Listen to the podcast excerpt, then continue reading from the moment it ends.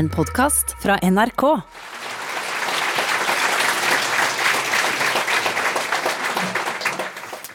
Velkommen til debatt om offentlig sektor og ledelse her på Litteraturhuset i Trondheim. Hva har Utdanningsetaten, Nye Ullevål sykehus i Oslo, til felles med Flekkefjord sykehus, Institutt for historiske studier ved NTNU, Skjetne skole, barnevernet i Østbyen i Trondheim? De er alle offentlige virksomheter hvor det fra forskjellige kanter har kommet veldig skarp kritikk mot ledelsen den siste tida. Den siste tida har det også kommet fram en rekke saker om økte topplederlønninger, etterlønnsavtaler i staten og også ulovlige dobbeltutbetalinger av lønn i regjeringa. Vi spør har offentlig sektor et ledelsesproblem. Sykefraværet er et mulig termometer på om ting er på stell. Adresseavisa har satt søkelys på at sykefraværet i skolen i Trondheim har økt. Fraværet er også høyt i barnehager blant ansatte i barnevernet. Ledelsen i Trondheim kommune sier til Adresseavisa at sykefravær kan handle om ledelse, kollegafellesskap, kompetanse og kultur. Tillitsvalgte peker på andre ting. De sier at Trondheimsskolen har røde tall. Og tillitsvalgte varsler om sparetiltak, høyt sykefravær og et budsjett som ikke står i stil med kommunens uttalte ambisjoner. Samtidig har ledelse en politisk og ideologisk kontekst. Oslo har fått et nytt byråd som har satt mål av seg på å bli kvitt New Public Management og gå fra mål- og resultatstyring til tillitsbasert ledelse. 22 toppdirektører har blitt seks, og i VG refereres det til en ansatt som sier at samarbeid har erstatta det som før var en sterk konkurransekultur. Er det mulig å ta et så enkelt oppgjør med New Public Management? Jeg heter Elise Farstad Djupedal og jobber som stipendiat på lærerutdanninga på NTNU her i Trondheim. Og jeg skal være kveldens debattleder. Med meg i panelet har jeg tre svært spennende paneldeltakere. Lisbeth Øyum, arbeidsforsker på Sintef med over 20 års erfaring. Hun har forska på den norske arbeidslivsmodellen og demokrati i arbeidslivet. Og hun er opptatt av det livet folk lever i arbeid. Jan Magne Stensrud borterst, redaktør i Drangedalsposten til vanlig. Men her i kveld er han først og fremst historiker og forfatter av boka 'Et arbeidskulturelt skift', som handler om omstilling i Posten fra 70-tallet til i dag.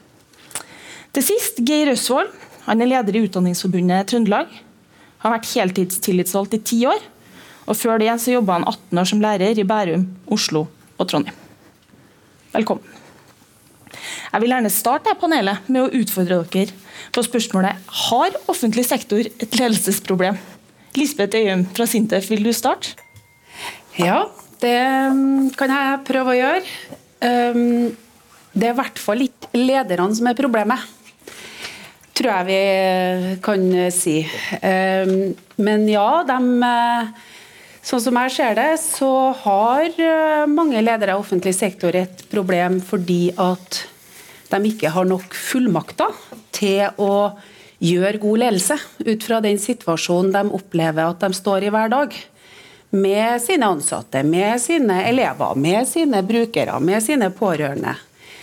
Um, og de gjør så godt de kan. Virkelig. Um, men det er for mye av det, det de gjør, som er pålagt dem uh, utafra, uten at det oppleves som veldig sånn én-til-én nyttig opp mot den kjerneaktiviteten. Så ja, offentlig sektor har et ledelsesproblem, men det er ikke lederne som er problemet. God start. Geir Øsvold, du har jo erfaring fra utdanningssektoren. Har offentlig sektor et ledelsesproblem? Ja, Det er i hvert fall utfordringer i kø, det kan jeg si. Men, men det viser fra, fra mitt perspektiv fra den sektoren som jeg representerer, og det er jo også viktig å, å, å understreke, det er at det er veldig dedikerte og dyktige ledere. Som til tider er under et voldsomt press. Og det gjelder egentlig på alle nivåer i kommunene. Så det er sånn at Både sentrale og lokale politikere har voldsomme ambisjoner for oppvekstsektoren. Og det er ambisjoner som er viktige og riktige. Men når spriket mellom de her politikerne sine ambisjoner og de ressursene som bevilges er så stort, så blir det utfordrende å være leder. og så er det sånn at Undersøkelser viser at at ledere i hele utdanningssystemet trenger mer tid til pedagogisk ledelse. Uh, og I en av våre siste skolelederundersøkelser melder tre av fire ledere at pålegg om rapportering og dokumentasjon har økt i løpet av de siste årene. Til tross for bl.a. diskusjon om eh, tillitsreform osv. Så, så mange ledere opplever at det faglige arbeidet fortrenges av administrativt arbeid, som rapportering og dokumentasjon f.eks. Og Vi har tilsvarende undersøkelser som, som viser det samme for ledere i barnehage.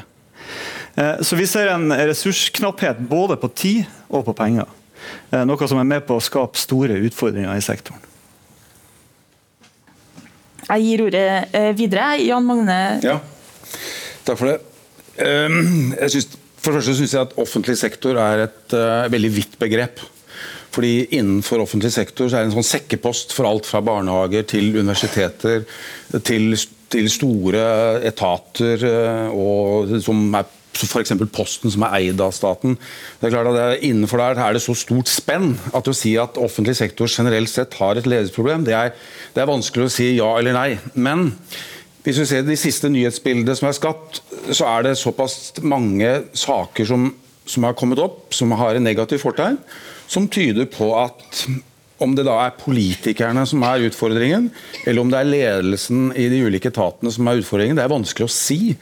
Ehm, bastant, men jeg er til dels enig med det som er sagt hittil, at det er veldig mye, mye administrativt eh, vi kaller det byråkrati da, som må gjennomføres, som må gjøre det vanskelig å, å utøve ledelse. på den ene siden. Men det er klart, tillit, eh, tilbake til dette med tillitsbruddet som på en måte er skapt. Eh, eh, se Nav-skandalen. Eh, etterlønn Eh, og ulike budsjettsprekker tyder på at, at offentlig sektor har, en, har i hvert fall store utfordringer til å skape, og at, må, at, de må bruke tid på å få tilbake den tilliten som på en måte er til dels er brutt. Det, det, tyder på at offentlig sektor har et eh, ledelsesproblem. Men det er vanskelig å peke på hvor eksakt ledelsesproblemet ligger. Takk skal du ha. Jeg lurer på om jeg skal gi ordet til deg, Lisbeth. fordi altså, Nå nevnes jo Nav-skandale, topplederlønn og tillitsbrudd. og Du er jo en forsker på norsk arbeidsliv og norsk arbeidslivsmodell. og Det var vel egentlig ikke de grunnpilarene norsk arbeidsliv ble tufta på. Vil du si litt om hva som ligger til grunn for norsk arbeidsliv og ledelse i Norge? da, Den konteksten vi er i?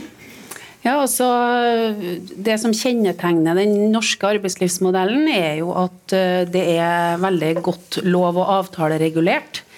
Eh, samarbeidet og de gjensidige forpliktelsene som en arbeidsgiver og en arbeidstaker har. Og mm, det er jo tufta på demokratiske verdier, og maktutjevning var jo hele utgangspunktet for det vi har av medbestemmelsesordninger i dag, enten det er representantskap eller direkte medvirkning i arbeidslivet. Og, mm, og hele poenget med altså, av, altså Jeg opplever nok et, etter 20 år så opplever jeg ennå at jeg, at jeg fer rundt og minner partene på sine egne avtaler. på en måte. Og, og det det er det enkle er ofte det beste innimellom. Det, vi har, eh, vi har en, en, tillit i bunn i norsk arbeidsliv altså det, som er erkjent gjennom lov og avtaler i arbeidslivet om at arbeidsgiverne har tillit til at ansatte og deres representanter Eh, bidrar både i verdiskapende tjenesteproduksjon, men også i kunnskapsutvikling og sørger for arbeidsplasser. Det er jo sånn bottom line. Så, og så blander jo da målstyring og New Public Management litt sånn her og der, men alt eh, eh, Arbeidslivets lover og regler er jo ikke endra ennå. Vi har jo ingen debatt om at, vi, at de skal bort. Sånn at vi har, um, vi har et godt fundament for å få det bedre. Mm. Mm. Spennende. Um, kan jeg utfordre deg, Geir, på å si noe? Tenker du at tillit er en, er det en verdi som dine medlemmer, altså lærerne i skolen, skoleledere, altså er det en verdi som står sterkt? Vil du kommentere på det? Ja, absolutt. Vi har vi har absolutt det som Lisbeth sier når hun snakker om, om hovedavtalen og snakker om det grunnleggende i arbeidslivet. Uh, altså Vi har en tradisjon å ta vare på uh, som på en måte ble inngått i 1935 og kanskje enda før der. Uh, og som på en måte har forma det velferdssamfunnet som, som, vi er en del av. Vi er helt eh, avhengige av at vi, at vi fortsetter eh, i, eh, og, gjerne, og gjerne utfordre og bruke hovedavtalen enda mer enn det vi gjør i dag. For at den har et større potensial, og det er det ingen som helst tvil om. Eh, men hvis du spør om hva som kjennetegner offentlig sektor, og kjennetegner ledelse, så ser i hvert fall vi fra, fra den, det perspektivet vårt at det, er, det, har vært lite ro i sektoren. Altså Vi har hatt reformkåte politikere som, samtidig som at vi har hatt knappe ressurser. Eh, og jeg, jeg, hørte et foredrag en dag av han, eh, Tom Are Trippestad han snakker om at vi hadde, vi har, det vi har sett i de siste årene, har vært en sånn politisk hyperaktivisme. Uh, og han kalte, kalt situasjonen for at vi er i en manisk progressiv politisk tilstand. og Det synes jeg beskriver ganske godt. Uh, og uh, og Det er klart at det, det, er utfordrende, både det å være leder og lærer eh, og ansatt i et sånt system som er under konstant angrep eh, fra eh, reformkåte politikere. Men det som Lisbeth snakker om, er jo grunnlaget vårt. Den tilliten som vi har i norsk arbeidsliv, er unik. Og den norske modellen den må vi ta vare på i, så, så, godt vi, vi kan. Mm. Jeg gir ordet til deg, Lisbeth, en rask replikk. Ja, en kommentar. fordi at det er jo ikke naturgitt at vi i Norge har mer tillit til folk enn eh, andre kulturer har. Eh, og så den, den, norske modellen da, og det norske lov- og avtaleverket er jo um, Den var jo politisk bestemt. Altså Det er jo en politisk vilje, så sånn sett kan man Politikere kan jo bestemme både gode og mindre gode ting. Så um, ja. Mm. Jan Magne Stensrud, du er jo historiker, og så har du jo en veldig spennende case med Posten. Mm. Altså Sist jeg var på Bunnpris, så var det jo et overlass av pakker. Så det må jo være andre grunner til at vi la ned Posten enn at det var liksom eh, ikke noe å holde på med. Mm. Eh, jeg lurer på om du har lyst til å si noe om endringene i arbeidslivet, altså historisk. Hva, hva skift det du påpeker i, i boka di? Det jeg fokuserer mye på altså Jeg tar utgangspunkt i mye av det de, det de eh, skisserer her, altså den norske modellen. Og vi på 70-tallet, hvor vi hadde Jeg er ikke helt enig med deg. Vi sier at har, altså I Norge så har vi veldig mye tillit. Bare for å si det. Vi har ganske mye tillit til eh, myndigheter. Vi har tillit til, til eh, politiet vårt. Vi har tillit til de som lager lovene våre. Vi har tillit til politikere. Så jeg vil si at Den norske befolkning og langt tilbake i historien også har, er tillitsbasert. Veldig mye. Men det, det er sikkert at andre land ikke har det også, men, men i Norge så har vi, veldig, har vi mye tillit. altså. Men vi er ikke født sånn? Nei. Nei, vi er ikke født Nei, men, men Tenkte å snakke om det, altså, men nei, nei. Men tilbake til Posten. Altså, det som skjer i Posten, det er at Posten går fra å være gamle Postverket på 70-tallet. På, altså på, på, høyden, altså på slutten av 80-tallet var det snakk om 30 000 mennesker som jobbet i Posten. Og vi skrev jo brev så det eh, kosta etter. Masse frimerker og sendte brev, men det har vi slutta med. Så Det er derfor Posten må legge om. Det vi hører rykter om nå, er at eh, i løpet av kort tid så vil det bli to dager i uka med post. Men er det noen som, glem, er det noen som eh, savner brevkonvolutter på lørdager? Nei, lite. Men vi sender pakker. Men vi har slutta med, med, sånne julekort og sånn. Vi sender heller mailer og sånne ja, på Facebook isteden. Posten gikk fra å være en, en forvaltningsetat til å bli forretningsdrevet. Og på slutten av Eller utover på, på 80-tallet så kom blårussen inn og påvirker ledelsesverdiene og ledelsesmåten ledelsen blir gjort på. Og vi har også, dette her skjer jo i en, en kontekst hvor Norge går fra å være Arbeiderpartistyrt og mye fokus, til å få en, en, en, høyrevridning gjennom hele 80 80-tallet i norsk politikk. Industrien reduseres betydning. Og vi får, en, vi får New Public Management, vi får målstyring og alt dette her med, med å styre Posten. Og plutselig så er Posten et uh, aksjeselskap med helt andre verdier. Uh, spesielt på ledelsessiden. Og det som det, ja, det er en tittel som jeg har blitt veldig glad i gjennom, med, når jeg doktorerte på Posten. så er det Overpakkpostmester i særklasse. Altså, Det oser autoritet og kunnskap fra en sånn stilling. Og over natten så blir da altså de tusenvis av postansatte, deres kompetanse altså Verdiene til Posten de lå i folks hode og hender. Altså det, var, det var kunnskapen til folk. Det var det de tufta Posten var en familiebedrift. Og, og, og, man snakker om eh, altså Det gikk i generasjoner. Der giftet man med hverandre. Postkvinner og postmenn, og det var postskole, og det var post i alle ledd.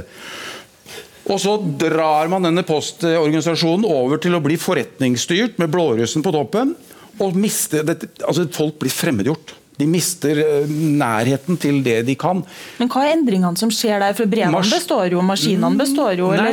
Poenget er at Tidligere så, så, så, sorterte man eh, post i store, store Sånn som en stor gjeng som dette her. Sto rundt et svært bord og sorterte post og pakker og pratet og røyka, og, og det lå en sånn skodde under taket av poststøv og røyk og alt mulig. Og Der jobba de, og de prata sammen, og de hadde det koselig, og de tok pause når formannen mente det var greit. Og så Over natten så innførte man da svære sånne lokomotiver, sånne flytog, som de kalte det. Sorteringsmaskiner. 20 000 brev i timen. Og plutselig så sto de der med øreklokker og var 30 meter mellom hver postsorteringsansatt. Og så var det slutt på det koselige. Så var det ikke noe mer koselig å jobbe i Boston. Men der kan jeg, jeg vil gjerne følge opp litt på den, fordi det er jo mange som peker på ledelse til det verre. Mm. Men en annen posisjon er jo sånn ledelsesnostalgi og på en måte drømmen om han overpostmesteren mm. som bestemte alle pausene. og? Det var jo kanskje, Jeg vet ikke om det var et diktatur i Posten på et tidspunkt, men eh, jeg, mm, Ikke diktatur, men det var, eh, det var Men den eh, ledelsesnostalgien kan dere jo forstå hva jeg mener. At det var jo en annen type ledelse før som ikke nødvendigvis var drømmedemokratisk og, og sånne type ting før også. eller vil du si noe om det med utgangspunkt i Posten? Det som er spesielt med Posten, det er at Sverre Lysgård, en sosiolog, har, han snakker om arbeiderkollektivet. Arbeiderkollektivet det var liksom da gutta på gulvet og jentene på gulvet rotta seg sammen og hadde en sånn buffer mot ledelsen. Det hadde de ikke i Posten. Og det er veldig spesielt. Fordi at I Posten var det greit å gå med en uh, formann i magen, som det het. Det var greit å ha ambisjoner. Og det kunne du ha i Posten. Mens i andre, i andre bedrifter sånn, så var det liksom det, Nei, du kunne ikke det. Du, hvis du gikk rundt og trodde du var noe og skulle ha lyst til å bli formann, så fikk du ikke lov å være med gutta her på gulvet, liksom. Derfor så henta de ledelse, ledelse inn i, altså Utenfor Posten så henta de gjerne ledelse, ledere inn fra utsiden. Og mens i Posten så hadde man sin egen etatsutdanning. Postskole 1, 2 og 3. Og der, Dette skapte en familiebedrift og et lukket samfunn. Og så De likte ikke at det kom inn folk fra utsiden. Ja, men jeg skal stoppe deg der. Det er mm. interessant.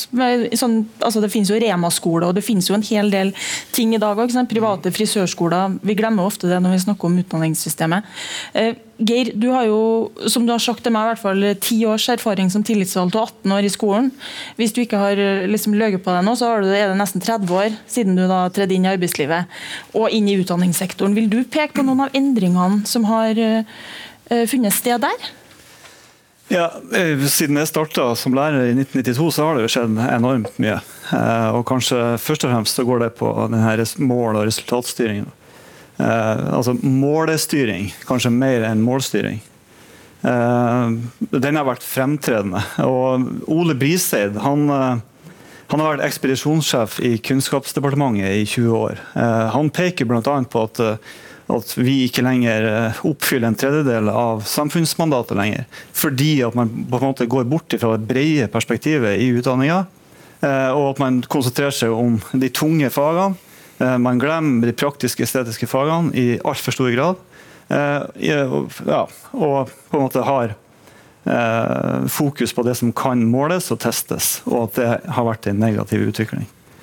Så, så innenfor skole så, så, har nok det vært den største endringa siden jeg starta som lærer i 1992. Eh, det har det vært. Eh, og så har jeg jo på en måte hatt en tanke om at det, det har vært eh, på vei tilbake de siste årene. Men så viser det seg at bare denne strikken her, den strammes egentlig bare til. Så når vi skal senere i dag debattere det med tillitsreform, så tror jeg kanskje at vi kan komme tilbake til akkurat det. Mm. For du sier der at strikken strammes. Vil du forklare altså Vi kan snakke om det litt senere, men vil du si noe om hva du legger liksom, hvordan, altså Det er jo ikke sikkert at de som sitter her, ser for seg den samme strikken som du. Se for deg helt sånn konkret, Hva er det liksom som strammes? Og hvem er det som strammer? Er det, det er jo ikke rektorene som har bestemt at vi ikke har sløyd. Nei, det er det jo ikke. Eh, og man ser jo helt klart en, en nedgang i eh, timeantallet på praktisk-estetiske fag eh, de siste årene. Eh, og det, også Samtidig så sier man at, eh, at man er bekymra for, for, at man ikke får folk på yrkesfag på videregående skole. Eh, og, så, så, jeg tenker at, at vi, vi, vi er nødt til å på en måte se på andre, andre deler av utdanninga enn det som kan telles og måles. For at vi skal klare å ut, oppfylle det her samfunnsoppdraget som vi faktisk er satt til å løse. Men Er det en ledelsesutfordring, eller er vi da på et helt annet plan? Det er først og fremst en politisk utfordring. Eh, altså De politiske styringssignalene som sendes, det, eh, det er eh, på en måte det, det, som er årsaken til at man har fått denne utviklinga. Det er en villa utvikling. Vi, vi har f.eks. De senere årene, de siste åtte årene så har vi hatt en kunnskapsminister i stedet for en utdanningsminister. For eksempel. Ord og begreper betyr noen ting. Eh, hvorfor heter det kunnskapsminister nå? Kunnskap er en del av utdanninga. Eh, vi tar ikke i like stor grad vare på danningsaspektet innenfor utdanning, eh, som vi kanskje har vært flinke til å ha gjort tidligere. Så jeg tror at vi må, vi må, vi må ha en slags reset på, på, ganske mye når det gjelder, når det gjelder forminga av utdanninga vår. Og også hvordan vi snakker om utdanning. og osv. Og så kunne jeg snakka mye om psykisk helse og press osv., men jeg tror jeg stopper der. Ja, men Det er fint det, med, det er gode eksempler fra skolen, og også har du noen paralleller helt klart til, til, andre, ikke bare statlige etater, men offentlige etater. Så Det har jo vært mye diskusjon rundt Nav, det er jo alltid diskusjon rundt barnevern.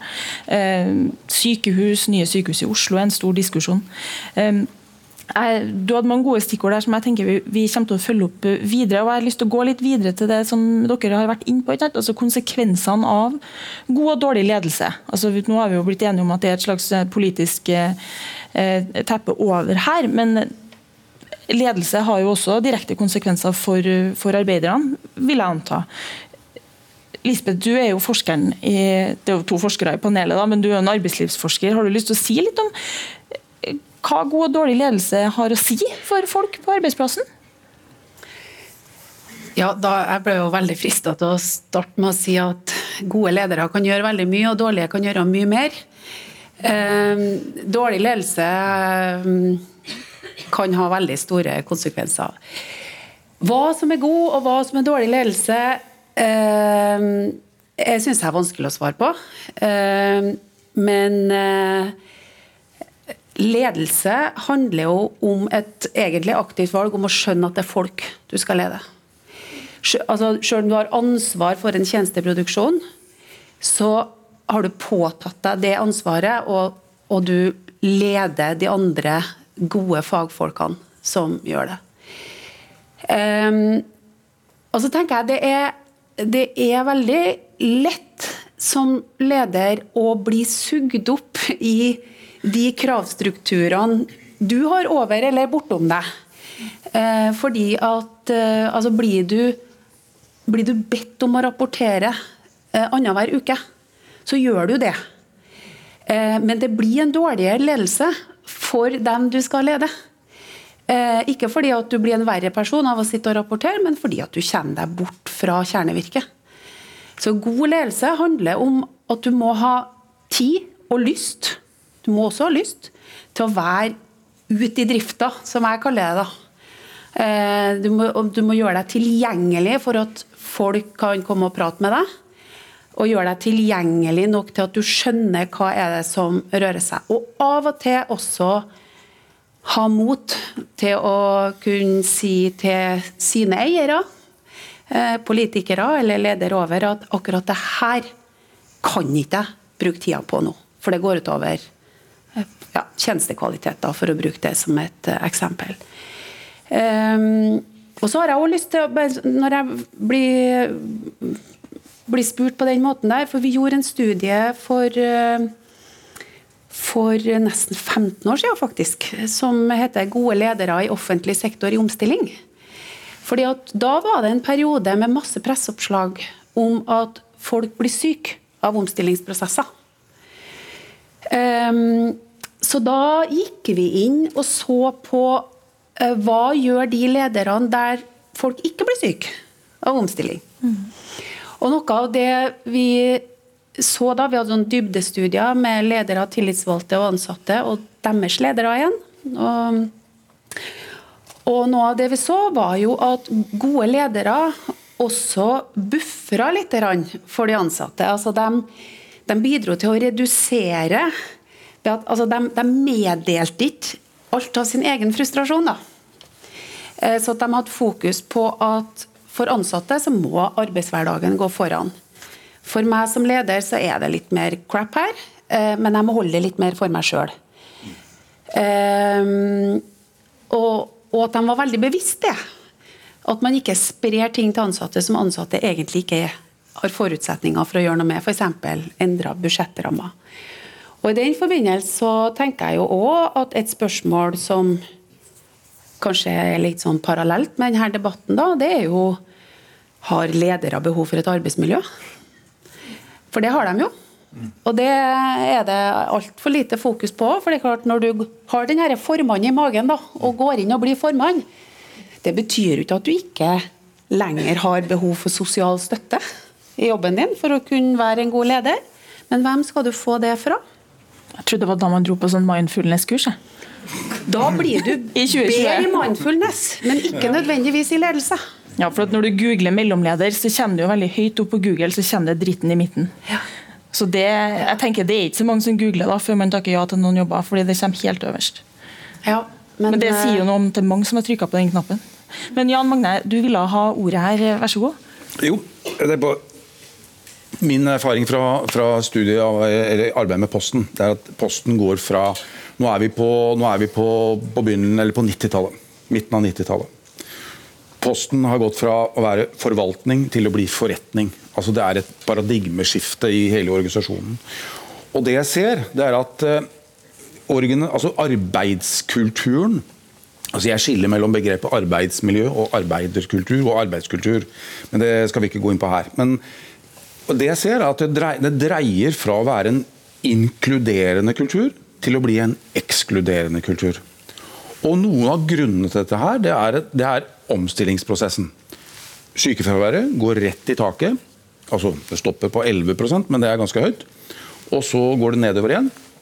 Og det er fordi at man, man liksom skifter ut eh, en, en, de gamle gutta og jentene som var en del av den gamle kulturen, de blir skylt ut, og så kommer det en ny elite inn. Og Det er unge mennesker med datakunnskaper som, eh, som kan eh, fylle disse post, pakkpostmesterstillingene uten problemer. Pakkpostmester? Ja. Overpakkpostmester i særklasse! Ja, en fantastisk stilling. Um, og, og, en av de tingene vi ser det på, eller jeg ser det på, det er at mangfold altså De fikk jo Mangfoldsprisen. Mangfold handler om integrering, minoriteter, flere kulturer osv. Men, men mangfold handler også om å ivareta de som har spesielle behov. Med, eh, enten det er Uh, ikke handikap, det heter ikke lenger det nå, men det heter altså, Funksjonsnedsettelse? Funksjonsnedsettelse. Og, og, og i Posten på, på, 70- og 80-tallet så det er en av, en av, mine informanter som sier at når han kommer på jobb, så heter han 'God dag, jeg heter Lars, og jeg er gal'. Sånn. Oi, det var liksom en av gutta i posten. Og, og, så var det en der som hadde en rar, krokete arm, og så en satt bein, og så var det en danske uten tenner. Og alle disse her, de jobba og var en del av et, et, et arbeidsmiljø og en kultur. Og, og det funka. De kom om morgenen Det var jo før Nokas-rana. Da vi kom om morgenen, og så så de at eh, det lå en og sov på noen postsekker. og Han hadde litt problemer med alkoholen. Men de, var de, som de fikk lov å være med. Det var en del av arbeidskulturen, og det var det som preget Posten. Maskinene kom, blårussen kom inn, så ble det total forandring. Og da ble det, fra å være en inkluderende kultur med et mangfold, så får du en ekskluderende kultur med noe annet. Stor avstand, stor avstand mellom ansatte og ledelsen. Avstand er jo et begrep innenfor, som, som, gjør at man har nærheten til ledere. Um, og, og, Det var, var, bare sånn merkbart å se hvordan, hvordan, denne omstillingsprosessen i Posten førte altså til en, en, sånn radikal endring av fra å være inkluderende og samhold til å bli ekskluderende. Ja, godt eksempel hvert fall på endra ledelse. Vi kan jo også snakke om god og dårlig, selvfølgelig, men i hvert fall et tydelig tegn på hva Posten var for. Jeg må bare skyte inn en ting. Altså, si at, altså, Posten har en fantastisk historie når det gjelder økonomisk. og Det er jo en suksesshistorie. De gir masse overskudd. og, og det, Den reisa der har vært veldig veldig bra. Så all ros til Postens ledelse og toppledelse og politikere som har styrt den i den retningen der. Eh, men der, de, med badevannet så forsvant det ut en del ting der som ikke burde forsvinne ut. Mm. Mm.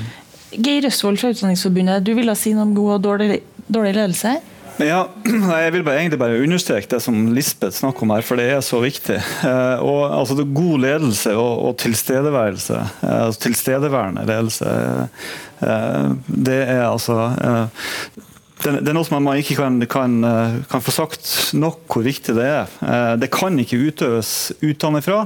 Eh, og vi ser nå en tendens til at man får én leder som leder to barnehager, f.eks. Eller én leder som leder to skoler. At man ser en, trend, en effektiviseringstrend der eh, som er skummel.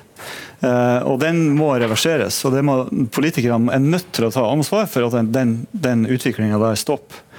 Eh, en annen ting er at eh, politikere og eh, administrasjonen er nødt til å ta, ta inn over seg at oppgavetrengselen til ledere i skole og barnehage er rett og slett altfor stor. Man er nødt til å prøve å sortere ut, sånn at man faktisk får tid til å gjøre den jobben som man skal gjøre. Og får tid til å, til å være den nærværende lederen som man, som man trenger ute på skole og barnehage. Men dette gjelder også støttesystemer, selvfølgelig. Eh, så det, det, er noe med at Man er nødt til å ta inn over seg de realitetene som er nå. Det er så store krav overfor de lederne som, som skal forvalte eh, det viktige oppdraget. At man er nødt til å gå inn og se på hvordan kan man på en måte plukke bort altså Hva kan man plukke bort, eh, og hva må man, må man fokusere på. Jeg trodde det var sånn at det var aldri noen arbeidsoppgaver som forsvant? Ja, jeg vet det, ikke. Men at det bare vokser og vokser og vokser. Veks, for det er liksom ikke mulig å ta bort noen ting. da. Så, Som På NTNU så har man tatt bort uh, søppelkassene, og det er jo liksom Takk for et uh, flott initiativ. Så vi har uh, da søppelkasser på, ute i gangen mm. i stedet for på kontorene. og Det antar jeg er et sånn type initiativ for å da gjøre det lette arbeidsbyrden på renholderne på en eller annen måte. Men bortsett fra det så har jeg liksom ikke klart å komme på noen konkrete eksempler på arbeidsoppgaver som forsvinner. Og jeg er jo heller ikke sikker på det jeg egentlig sier nå, bortsett fra at jeg registrerer at noen har tatt søppelbøtta mi.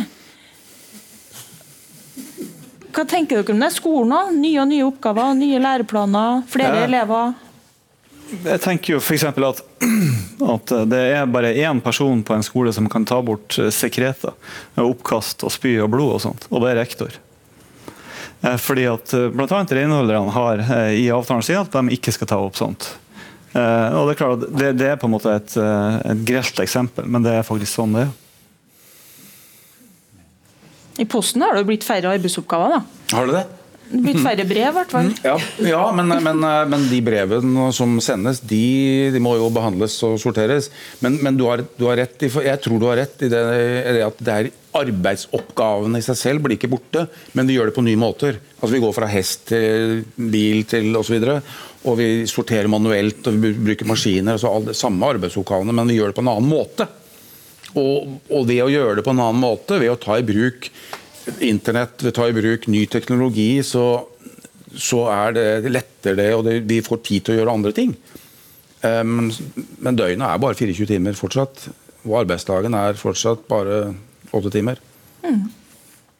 Ja, Man har jo kanskje tenkt at digitaliseringa har fjerna en del oppgaver, men spør hvem som helst, både av skoleledere og lærere, eh, så vil nok, vil nok, svaret sannsynligvis være at man har fått enda større oppgaver.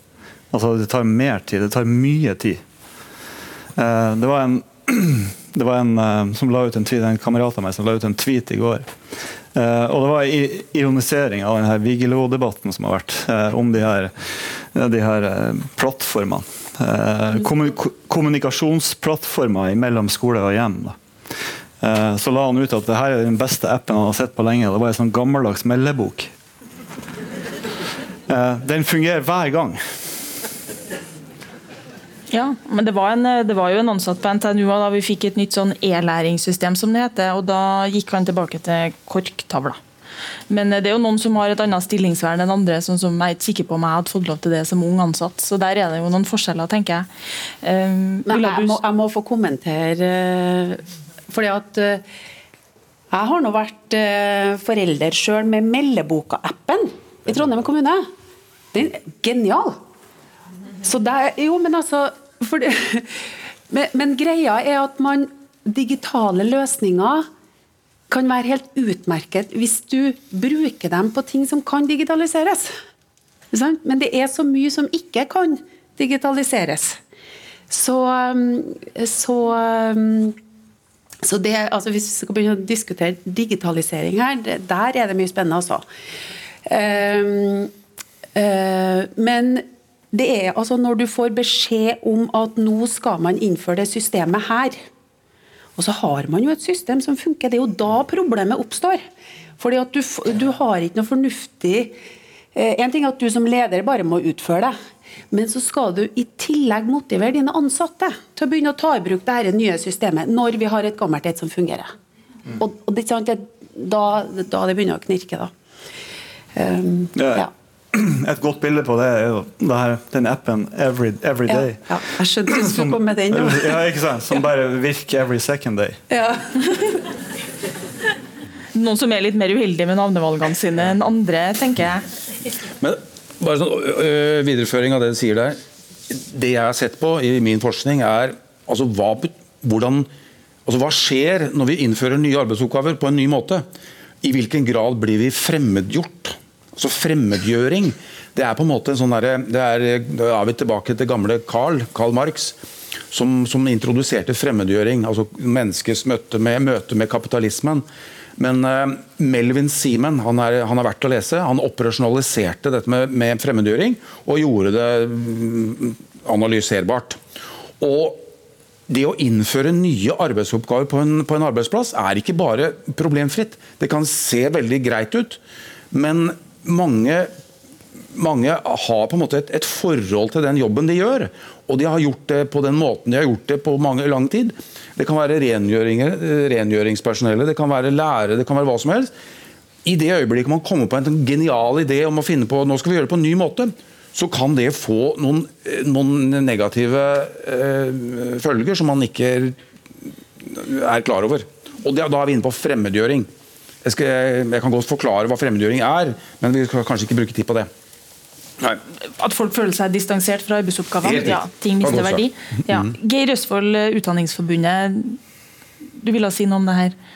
Ja, jeg har lyst til å slå et slag for den forskninga som Lisbeth uh, de, de, har en, en rapport som heter, uh, som heter 'Arbeidsmiljøarbeid uh, og utvida partssamarbeid', eller noe sånt. Uh, partssamarbeid i forebyggende arbeidsmiljøarbeid. Ja, noe sånt, ja. Der fikk vi det rett. Eh, men i hvert fall så, den rapporten den, eh, som er kommet ut der, den, eh, den tenker jeg, der, der, har vi et stort potensial. Eh, fordi at vi har et utnytta potensial i, i, den synergien som kan oppstå i samarbeidet mellom leder og tillitsvalgte. Og verneombud. Og verneombud. Og hvis man klarer på en måte å å eh, bygge et veldig godt samarbeid, eh, et likeverdig samarbeid mellom de partene der, så er jeg helt sikker på at man klarer å avlaste lederen. At man får på en måte et styrka lederteam eh, i kraft av denne ledergruppa, som består av verneombud og tillitsvalgte på likeverdig nivå. Det er også viktig å peke på, mm. så vidt jeg forstår på den rapporten der. Så, så er det viktig at, at det er likeverdighet her. Mm. Eh, og Hvis man klarer det, så tror jeg at man kan avhjelpe ganske mye. Eh, det kunne vært litt interessant å høre hva du Ja, Vil du si noe om det, Lisbeth? Ja, gjerne. Hvor lang tid har vi? Nei, Nei, jeg får- kan gi deg ett et minutt, så kan jeg stille deg et nytt spørsmål Nei, men uh, uh, Du sa det jo så bra, Geir. Men uh, det, det vi har sett i, i vår forskning, i eh, aksjonsforskning, altså hvor vi jobber sammen med folk som er i arbeid, eh, er jo at der hvor eh, På de arbeidsplassene hvor plasstillitsvalgte og de lokale verneombudene jobber sammen med leder i det å utvikle arbeidsplassen, i det å forstå problemstillingene, i det å bli tydeligere på Kanskje er det her noe som ligger til verneombudets bord, men som kanskje jeg som tillitsvalgt kan hjelpe deg med, osv. osv. Som leder da, så får du En ting er at du får egentlig et arbeidsmiljø i de situasjonene hvor du er i tvil. Altså, du, du konfererer representantene når du er i tvil om hva er smart å gjøre her. Det betyr ikke at du abdiserer, for det kan ikke du gjøre. I hvert fall ikke når det er snakk om arbeidsmiljø- eller HMS-spørsmål. Men du konsulterer kollektivet, og da blir løsningene så mye bedre. Um, og uh, det som denne rapporten viser, er jo òg at, at Verneombudene de, de ligger jo i lovlinja. Så de har jo den lovpålagte påserollen i arbeidsmiljøspørsmål. Eh, Men der hvor man virkelig har lyktes med å få ledere og, og, og tillitsvalgte og verneombud til å jobbe sammen f.eks. For, for å få redusert sykefraværet, eller å sørge for omstillingsprosesser som oppleves positivt for folk, der har også verneombudene tatt en utviklingsorientert rolle. Og det jeg kjenner at jeg har, Det gir meg litt sånn uh, løft, det. Fordi at jeg tror at der har vi en veldig anerkjent rolle, som alle har tillit til, som vi kan bruke i enda større grad. Og så er det jo noe med det også at dårlige omstillingsprosesser handler jo til slutt på verneombudets bord, hvis de har blitt skikkelig dårlige. Så da er det jo lurt å kanskje ta med verneombudene underveis da, i omstillingsprosessen. Så, um, og det er heller ikke øh, øh, Jeg er overbevist om at her har vi et vi har en praksis, altså vi har et reds, konkret redskap. Arbeidsplasser kan bruke i mye større grad. Men som også da krever at, uh, at fagforbundene støtter sine lokale Nå ser jeg litt på deg. Bygg dem opp. Støtt dem, gi dem tillit og tiltro til at dere kan gå kjempelangt i samarbeidslinja. Um, for det er jo det de sier til oss i, i et annet prosjekt, at hvor hovedtillitsvalgte sier at egentlig, hvis vi skal drive partsbasert arbeidsplassutvikling, så er jo vi lederne til de lokale plasstillitsvalgte, og da må vi utøve godt lederskap. Vi må gi støtte og bygge mestring. For Det synes jeg var en veldig fin overgang til det jeg litt uh, lyst til å bruke den siste delen her på nå. For det, jo, det har vært mye snakk i siste om, synes jeg i hvert fall i det jeg leser, det kan jo være selektivt, men uh, overgangen fra mål- og resultatstyring, av og til kalles det New Public Management, det har blitt utgitt to bøker nå på norsk om nyliberalisme, men i hvert fall la en overgang til tillitsbasert ledelse, ordet tillit uh, har liksom dukket opp igjen og igjen. Av og til som noe man skal påføre overfra, da. Eh, men av og til som noe som skal utvikle seg. så Det, er jo, det brukes jo i forskjellige sammenhenger. Men jeg registrerer jo her, eh, Lisbeth, du er arbeidsforsker og ser veldig positivt på framtida. Det syns jeg spennende. Eh, Men Geir Røsvold, du jobber, jo- eller har erfaringa di fra utdanningssektoren. Hva tenker du om det her skiftet fra mål- og resultatstyring til tillitsbasert ledelse? Jeg er frista til å starte med å spørre om du har trua, men uh, du kan få kommentere litt bredere enn det. Jeg kan få svare på begge deler. jeg. Ja, det kan du. Antagelig. Uh, Det er jo ikke så veldig lenge siden det kom en stortingsmelding eh, om en tillitsreform, eh, som Utdanningsforbundet støtta helhjertet opp om. Eh, fordi at eh, Da var også tanken at man skulle gå litt bort fra denne mål, måle- og resultatstyringa, voldsomme. Men det ble tydeligvis bare lagt i en skuff. Eh, den er i hvert fall ikke iverksatt på noen som helst slags eh, måte, så vidt vi kan se. Eh, men det som er viktig for oss, det er at vi ønsker å bygge de her sterke profesjonsfellesskapene. Altså der både lærere og ledere og støttesystem innenfor skole og barnehage, at vi sammen tar ansvar for, for en faglig utvikling. Eh, og at, eh, at, det på en måte skal være med å profesjonalisere oss. Eh, altså Ledere og lærere er en del av det samme profesjonsfellesskapet. Sånn ser jeg på tillitsreform. Jeg har foreløpig bare sett at Arbeiderpartiet har tenkt å foreslå en slags tillitsreform, men det er ingen som har klart å fylle det med noe innhold. Hva er det for noe? Hva er en tillitsreform for noe? Jeg har foreløpig ikke fått noen gode svar. Så vi kan jo egentlig bare starte diskusjonen her etterpå, når P2-sendinga er ferdig. Og Jeg vil gjerne utfordre politikere som hører på P2, da, og komme med en slags forklaring på det. Men det må defineres. og jeg tenker at Ordet tillit det er et palindrom. Det kan leses likt fra, begge ender. Fra både høyre og venstre? Fra både høyre og venstre. Eh, så uh, Tillit må gå begge veier. Hvis det er sånn at det ikke er tillit begge veier, så kan vi ikke snakke om en tillitsreform. Da er det snakk om et diktat uh, ovenfra og ned. Så her må man faktisk ta tak i begge veier. Lisbeth, ville du kommentere på Ja, Eh, det blir kanskje veldig sånn forskeraktig, da, men Du er forsker, så det... Du kan jo ikke vedta tillit. Altså, du kan jo ikke vedta at nå går vi fra New Public Management over til tillitsbasert Første i første 2021. Første i første 2021. ja. eh, fordi at Hvis det er der vi havner i debatten, så kommer vi ingen vei. Eh, men det er eh, Ehm, jeg sitter jo og sysler med dette spørsmålet her sjøl nå. Og, og, vi ser jo det at du, tillit er noe du får. Det er ikke noe du kan be om. Du får det når du, eh, når du egentlig inviterer eh, f.eks. at jeg ønsker å forstå din kompetanse. Eller ikke minst så ønsker jeg å få dine negative tilbakemeldinger. Så det, du kan godt ha en tillitsbasert ledelse i et måleregime. Hvis målene er fornuftige, og hvis man har vært med på å sette målene sjøl. Så det, vi, vi, skal passe oss tror jeg, for et sånn enten-eller-diskusjon. Mm. Tillit eller ikke tillit? Ja, for det er ingen som er uenig i tillit. Nei, eller New Public Management eller tillit. Mm. Og nå har, sånn brukt, nå har dere også brukt begge to ordene målstyring og også målestyring, mm. som jeg tenker er to forskjellige ting. Altså ja, det er veldig forskjellig. At det å, hvis det å måle i seg selv blir målet, så er jo det noe annet enn at man har en eh, visjon eller et mål om å lage en bra skole. eller noe, For det, det skal jeg jo ikke nekte verken offentlige eller private etater. Eh, Men, Jan Magne Stensrud, historiker. Eh, du ville kommentere på det her med tillit?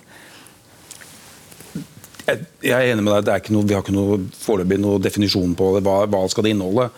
Men det er jo en videreføring. Er jo en, historien har vist at man prøver ut nye måter å gjøre det på. Og dette er jo en sånn trend at man skal demokratisere arbeidslivet. Sant? Og, og, Tidligere så har man sett på strukturendringer.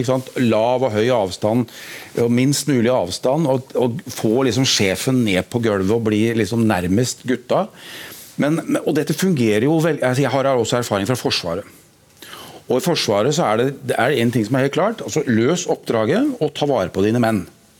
Enkelt og greit. Og det funker greit. altså på, altså på en eller annen tidspunkt så må noen være sjef. Og Du kan demokratisere arbeidsmiljøet så mye du vil, men sånn, det er en eller annen kropp som har den jobben å være sjef. Og og, og når, når, Det er ingen som krangler om den pølsa som er for lang. Altså Hvis vi sitter og koser oss og det er greit og man skal bare innføre nye ting som, er, som alle er enig i, kjempefint. Bare flott. Men når det, virker, når det brenner på dass, og du må ta en avgjørelse som er ubehagelig, da er det ikke sikkert at tillitsbasert ledelse er det, er det som vi snakker om. Men, men, at tilliten kan være god, at den kan bygges tillit på, basert på gjensidig tillit gjennom altså, hver, hvordan vi jobber og hvordan, hva slags arbeidskultur vi ønsker å bygge, ja. Men eh, ansvar, altså, til syvende og sist så er det noen ledere som må ansvarliggjøres. Om vi måler oss i hjel, eller om vi måler og, og styrer på hva, hvordan vi gjør det. Men, men, til syvende og sist så er det en eller annen leder som må ansvarliggjøres. Og ikke alle. Du kan ikke ansvarliggjøre alle, men du må ansvarliggjøre ledelsen. Og det er jobben din, å være leder. Men kanskje, altså det, Der har jeg et litt åpent spørsmål til dere. Også. du sier jo det at man må ha en leder når det brenner på dass. Ja. Men med de siste månedenes erfaringer så synes jeg det virker som lederne forsvinner når det brenner på dass. Men i den daglige driften da, av toaletten der har de jo vært aktivt til stede hele veien. Men Mhm. akkurat når det begynte å brenne, da stakk de. Er det liksom for mye feil ledelse? Nei, jeg, jeg tror det går litt på kompetanse. Det, jeg skal være veldig forsiktig med å dra den for langt. Ikke holdning. altså. Nei, men altså det, det, um, det, det kan virke sånn. Se på Nav-skandalen. Et eksempel. Et eksempel, ikke sant? Her er altså, Plutselig så finner man ut at det er liksom masse mennesker som har fått eh, blitt putta i fengsel fordi noen har sittet og forvaltet et regelverk som viste seg å være feil. Ja, hvem er det som har feil? Er det politikerne? Er det, er det de som har laget lovene og reglene? Er det de som utøver dette og sitter og forvalter dette her? Altså, Noen må ansvarliggjøres når, når så alvorlige ting skjer. Og Da tror jeg at det kan være interessant å se på kompetanse. Det er en farlig tilnærming, men Hanne Arendt hun har jo kommet med forskning som viser hva som skjer i store organisasjoner hvis man ikke passer godt nok på. Uten å dra den for langt. Men, øh, men øh, de som har lest Hanne Arendt, de, de skjønner hva jeg mener. Jeg tror, jeg, jeg tror jeg skal stoppe der. Ja, eh, Ja, jeg, jeg har lyst til å peke litt på, på et tema som, som har opptatt meg eh, mye i det siste. og Det, det dreier seg om, om ytringsfrihet. Og eh, Den siste undersøkelsen jeg så i, eh, der var det to av tre eh, skoleledere sa at de ikke følte at, de hadde, eh, at det var åpning i kommunen for å si noe om verken økonomiske prioriteringer eller innholdet i skolen. Altså At man ikke kunne uttale seg i offentligheten om det. Eh, og det er klart at hvis ikke vi, vi er nødt til å løse det før vi kan begynne på en måte snakke om en tillitsreform. Eh, fordi at dette er et utbredt problem. Sivilombudsmannen har ropt eh, varsko over lang tid. Vi ser at regjeringa i 2016 gikk ut med et krav til kommunene om at man skulle løse opp og løse opp i de her lojalitetskravene som er i kommunene. Vi er nødt til å ta den store diskusjonen om ytringsfrihet før man kan snakke om tillitsreform. Eh, vi er ikke i nærheten ennå. Jeg jobber til daglig som, som avisredaktør, og jeg kjenner meg veldig godt igjen i det du sier. Altså Når vi er ute og skal lage kritisk journalistikk, undersøkende journalistikk, så er vi, så er vi avhengig av å snakke med folk som, som vet hva de prater om. Er det et problem på en skole, så må vi snakke med en lærer, eller en rektor i det minste. Og ikke bli henvist til en eller annen rådmann eller sånn som ikke egentlig vet hva, hvor skoen trykker. Og det gjør altså folk, publikum har rett til å få vite hva som skjer. Og hvis ikke vi får snakke med de rette folka, hvis det er sånne regimer som du nå skisserer, så, så er det et problem. Det er et demokratisk problem, rett og slett. For Der peker du både på lærerne og rektorene, eller var i hvert fall det du nevnte Ja, i eksempelet ditt. og Det er jo også interessant, for, Ja. for man kunne jo tenkt at rektoren eh, sa til læreren at læreren ikke skulle uttale seg, men da indikerer du at det også er noe over der, da. Ja, Altså, I enkelte kommuner så vet vi at det er altså noen at eh, det, det, fra toppen av så, så lager man da et, eh, et regime at eh, man har en slags pressetalsmann eller kvinne som skal ut. Og så skjer det noe et eller annet her i, som, som, som, uh, vi, som kommunen skal uttale seg, ja, så skal det kanaliseres til den og den personen. Og det er uheldig. Det syns jeg er veldig uheldig. Det er et, eh, for å gjenta meg selv, det er et eh, demokratisk problem, og det begrenser eh, ytringsfriheten. Uh, ja, er enig i alt det der. Og så tenker jeg jo at også, um, uh, Ting tyter jo ut. Ut av arbeidsplassen. Hvis man ikke har lov nok til å ha de her drøftingene også internt. På hva funker, hva funker ikke så bra. Hvorfor i all verden gjorde du det der, du lederen min? Det var teit. Altså, hvis du har en kultur og strukturer for å diskutere tvil og tro internt, så vil kanskje ikke behovet for eventuelt å gå til lokalavisa heller være eh, så stort. Men man trenger begge deler, selvfølgelig. Ytringsfrihet. Så du skiller på en måte mellom både en slags intern og en ekstern ytringsfrihet her? altså ja, på jeg, arbeidsplassen Ja, jeg gjør egentlig det. Eh, og, og begge deler er like viktig. Jeg husker ikke hvilken eh, avis det var, men jeg leste en artikkel her for ikke så mange dager siden hvor det var det at i offentlig sektor, mellomledere eller, eller ansatte i offentlig sektor som har ambisjoner om å gå med en, en sjef i magen, leder i magen, de er mindre tilbøyelige til å, å, å, si at noe er negativt, eller påklage en negativ ting, enn de som ikke har en, formann i magen. Har du noe erfaring med det? Fordi de skal klatre, da? Ja, fordi det å kritisere ledelsen, eh, om det er i en kommune eller fylke eller etat, så, så er ikke det populært. Altså, det er ikke noe kultur. Og da snakker vi kanskje om tillitsbasert ledelse. Altså, at Hvis ikke det er en kultur for å stille kritiske spørsmål, hva betyr det? Det tenker jeg faktisk var et veldig fint avsluttende retorisk spørsmål som salen eh, kan tenke på. For da tenker jeg faktisk at vi setter strek, og jeg sier takk til Lisbeth Øyum, arbeidsforsker på Sintef, Jan Magne Stensrud, forfatter og historiker, Geir Røsvold, tillitsvalgt i Utdanningsforbundet. Jeg heter Elise Farstad Djupedal og har leda dere gjennom kvelden så langt. Jeg håper dere blir litt klokere på offentlig sektor, og kanskje dere har et bedre svar på om offentlig sektor har et ledelsesproblem. Takk for oss.